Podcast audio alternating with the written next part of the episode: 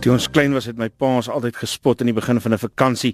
Ons gaan see toe, ons gaan see toe en as ons terugkom as die pad so lank en dan sê ons ons was by die see. Susan, hoe voel julle na 'n week by Aardklop? Is julle nog sterk? Ons is nog sterk. Ons klop hier met 'n ritme. As jy ons wil volg, gaan kyk op die uh, uh Twitter rekening. Hitsmerk RSG klop.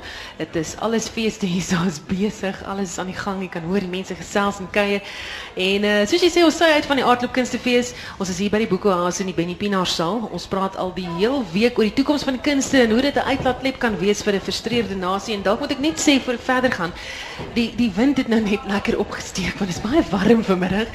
Maar hy uh, hy waai 'n bietjie so as jy iets hoor suis en geruis dit is natuurlik die wind. By my op die verhoog is die bekroonde regisseur Henny van Greenen en uh, ons gaan ook gesels oor uh, uh, kunste en hoe dit gaan by die kunste en en wat gehore wil hê, maar voor ons daarby kom. Jy is betrokke by die produksie Pa. Ja, ek is. En ons het gister daar berig en uh, dit gaan oor Alzheimer en demensie. Uh, ons het baie reaksie gekry oor ons gesprek gisteroggend. Wat is die reaksie van die gehore? Wat vir my baie lekker is van van Pa is die toneelstuk maak klaar en na 90 minute wat die mense leef met hierdie gesin wat wat werk met Alzheimer. Dis een van die min vertonings wat ek my lewe gedoen het dat die ligte gaan swart en alles gaan gaan net dood en daar's geen reaksie nie.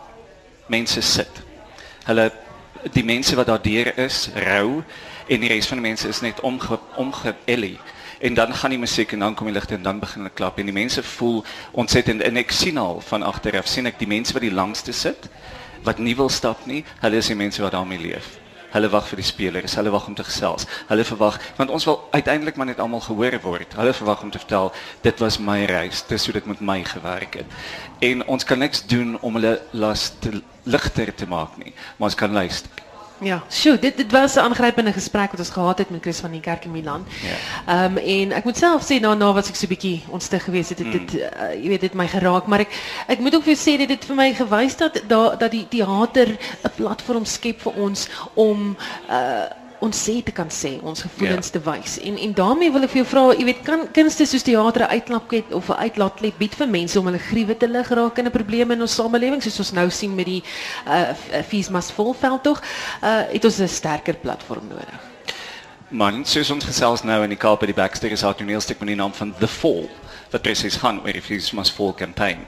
Um en deur al die jare, hoekom het stories begin? Stories het begin want ons het mekaar vertel van ons lief. Ons het mekaar vertel van ons leed. En dis wat stories doen.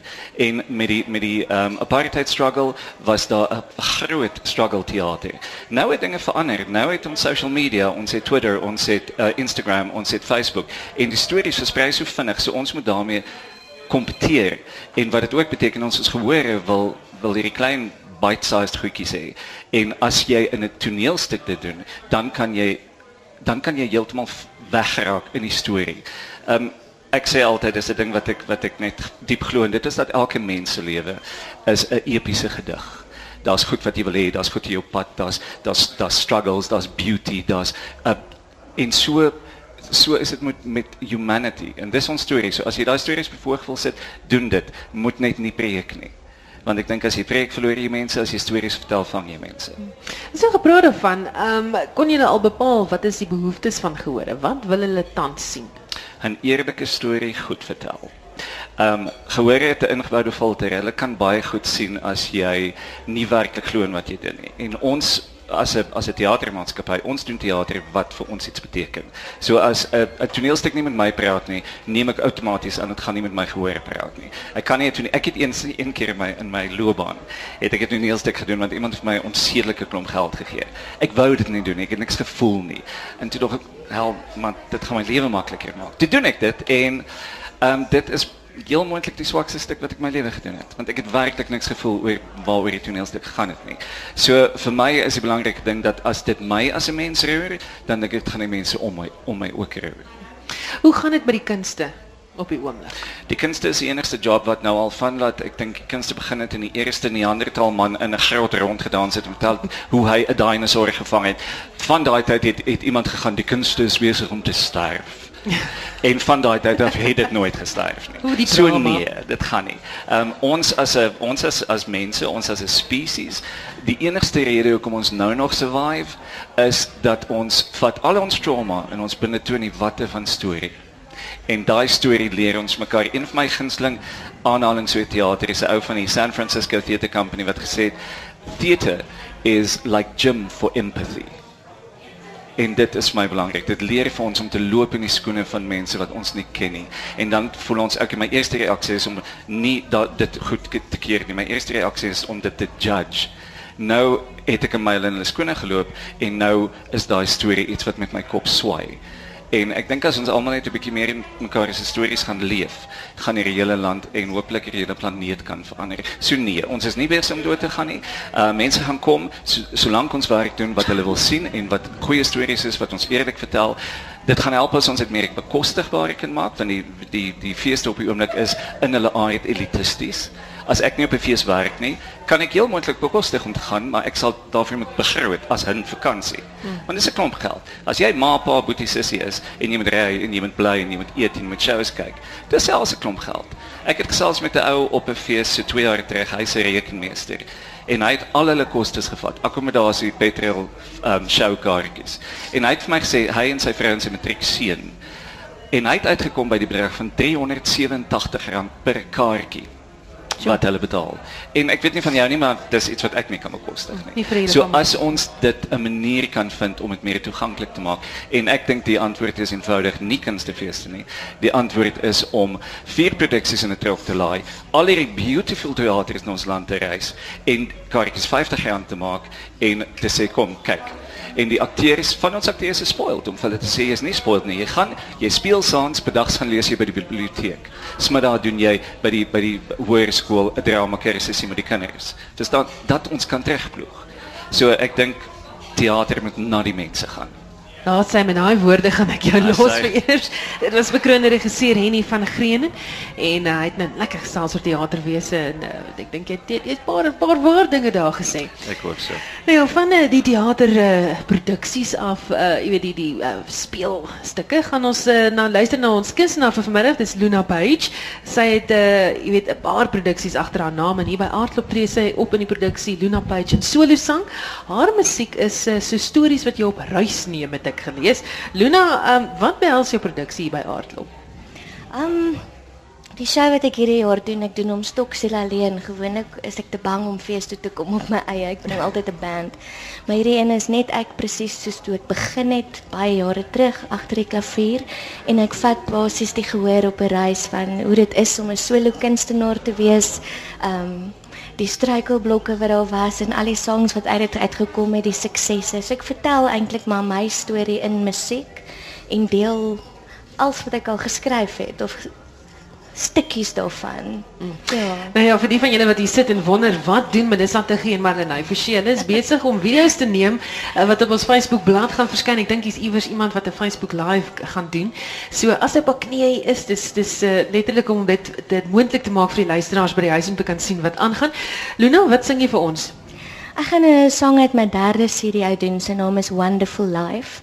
En ehm um, dit gaan maar eintlik oor die feit dat wanneer mens nie risiko's neem nie, dan kan jy die die fout maak miskien om 'n baie ordinêre lewe te lei. En ehm um, ek het ek het gekies om risiko's te neem uh, met die whip om 'n wonderlike lewe te hê. Floris joune.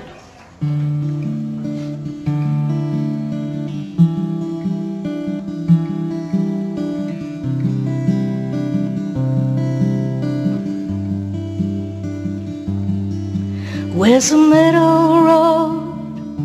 I'm looking for it. I'm slightly worn by these extremities. On the other hand, who needs mediocrity? It's either I or low, there ain't much in between. Oh, oh sweet ambivalence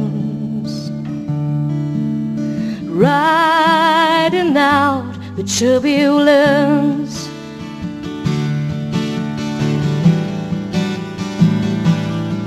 Won't you rather travel a million miles over this beautiful world? Follow the signs wherever they go and watch the truth unfold. Won't you rather travel a million miles in search of one ray of light? Than settle for less and hope for the best as you lie in bed at night. All we really want is a wonderful, wonderful life. It's a wonderful, wonderful life.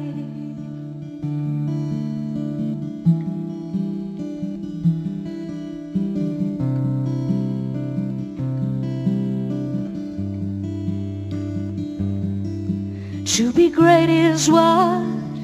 Where's the definition? And is a simple life always void of it? Is it really wrong to be running wild after a color kite with shreds of glass in its tail? Oh, oh, the sweet unknown. The scars we earn on our way home.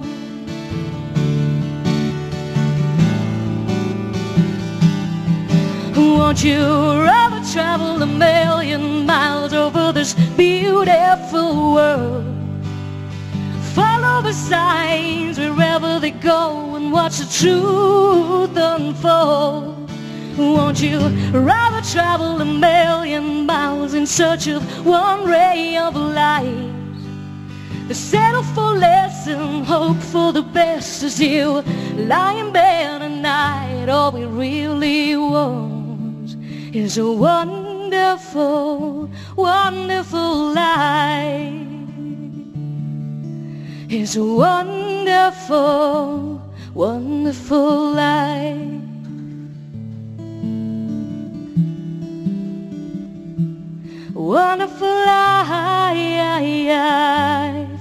Wonderful life. Pragtig. Slanke daar van Luna Page wat vir ons kom sing. Het baie baie dankie dat jy op die stoep kom sing. Dis groot plesier. nou saai regstreeks uit van die Aardklop Kunstefees in Potchefstroom. Die uitsending word moontlik gemaak deur uh, die Aardklop Kunstefees en ons is hier by die ATKV Boekoase reg langs die feesterrein. Maar ons kan nie net oor die kunste praat nie, ons moet praat oor ernstige sake ook. Die FISMAS volbeweging het verlede jaar Oktober die mediumtermyn begrotingsraamwerk toespraak oor skadu. By die parlement in Kaapstad het honderde studente saamgedrom en na 'n dag waar die gemoedere hoog geloop het, is daar 'n 0% verhoging in studiegelde aangekondig. Die studentbetogings het weer vanjaar opgevlam wat die vraag laat ontstaan wat kan ons verwag by vanjaar se begrotingstoespraak. Nou ons het die ekonom van die NWI se Vaaldriehoek kampus Dr Andre Melet wat vandag al die pad daar vanaf gery het van die Vaaldriehoek af na Potchefstroom om met ons te kom praat. Ehm um, dokter, hoe lyk die finansies volgens die Februarie syfers? Susan, ek dink ons moet begin by die inkomste en die uitgawes syfers en wat die minister vir ons in Februarie gesê het ten opsigte van besteding aanpassings as ook ten opsigte van belasting aanpassings dat mens net perspektief kan kry van watse tipe syfers praat ons. Die syfer wat begroot is ten opsigte van inkomste in Februarie hierdie jaar is 1324 miljard of 1.3 trilljoen en die besteding is 1463 miljard of 1.46 triljoen wat 'n tekort gee van 139 miljard. So as mens hoor van allerlei vrae en allerlei opmerkings wat gemaak moet word dat die staat meer hiervoor of meer daarvoor moet gee, die staat sit met 'n totale besteding op hierdie stadium van 1463 miljard en hulle sit met 'n tekort op die huidige stadium vir die 16-17 boekjaar van 139 miljard. Om by daai syfer uit te kon kom, het die minister reeds vir hierdie boekjaar die besteding met 15 miljard gesny. En hy het belasting verhoog in Februarie met 18 miljard.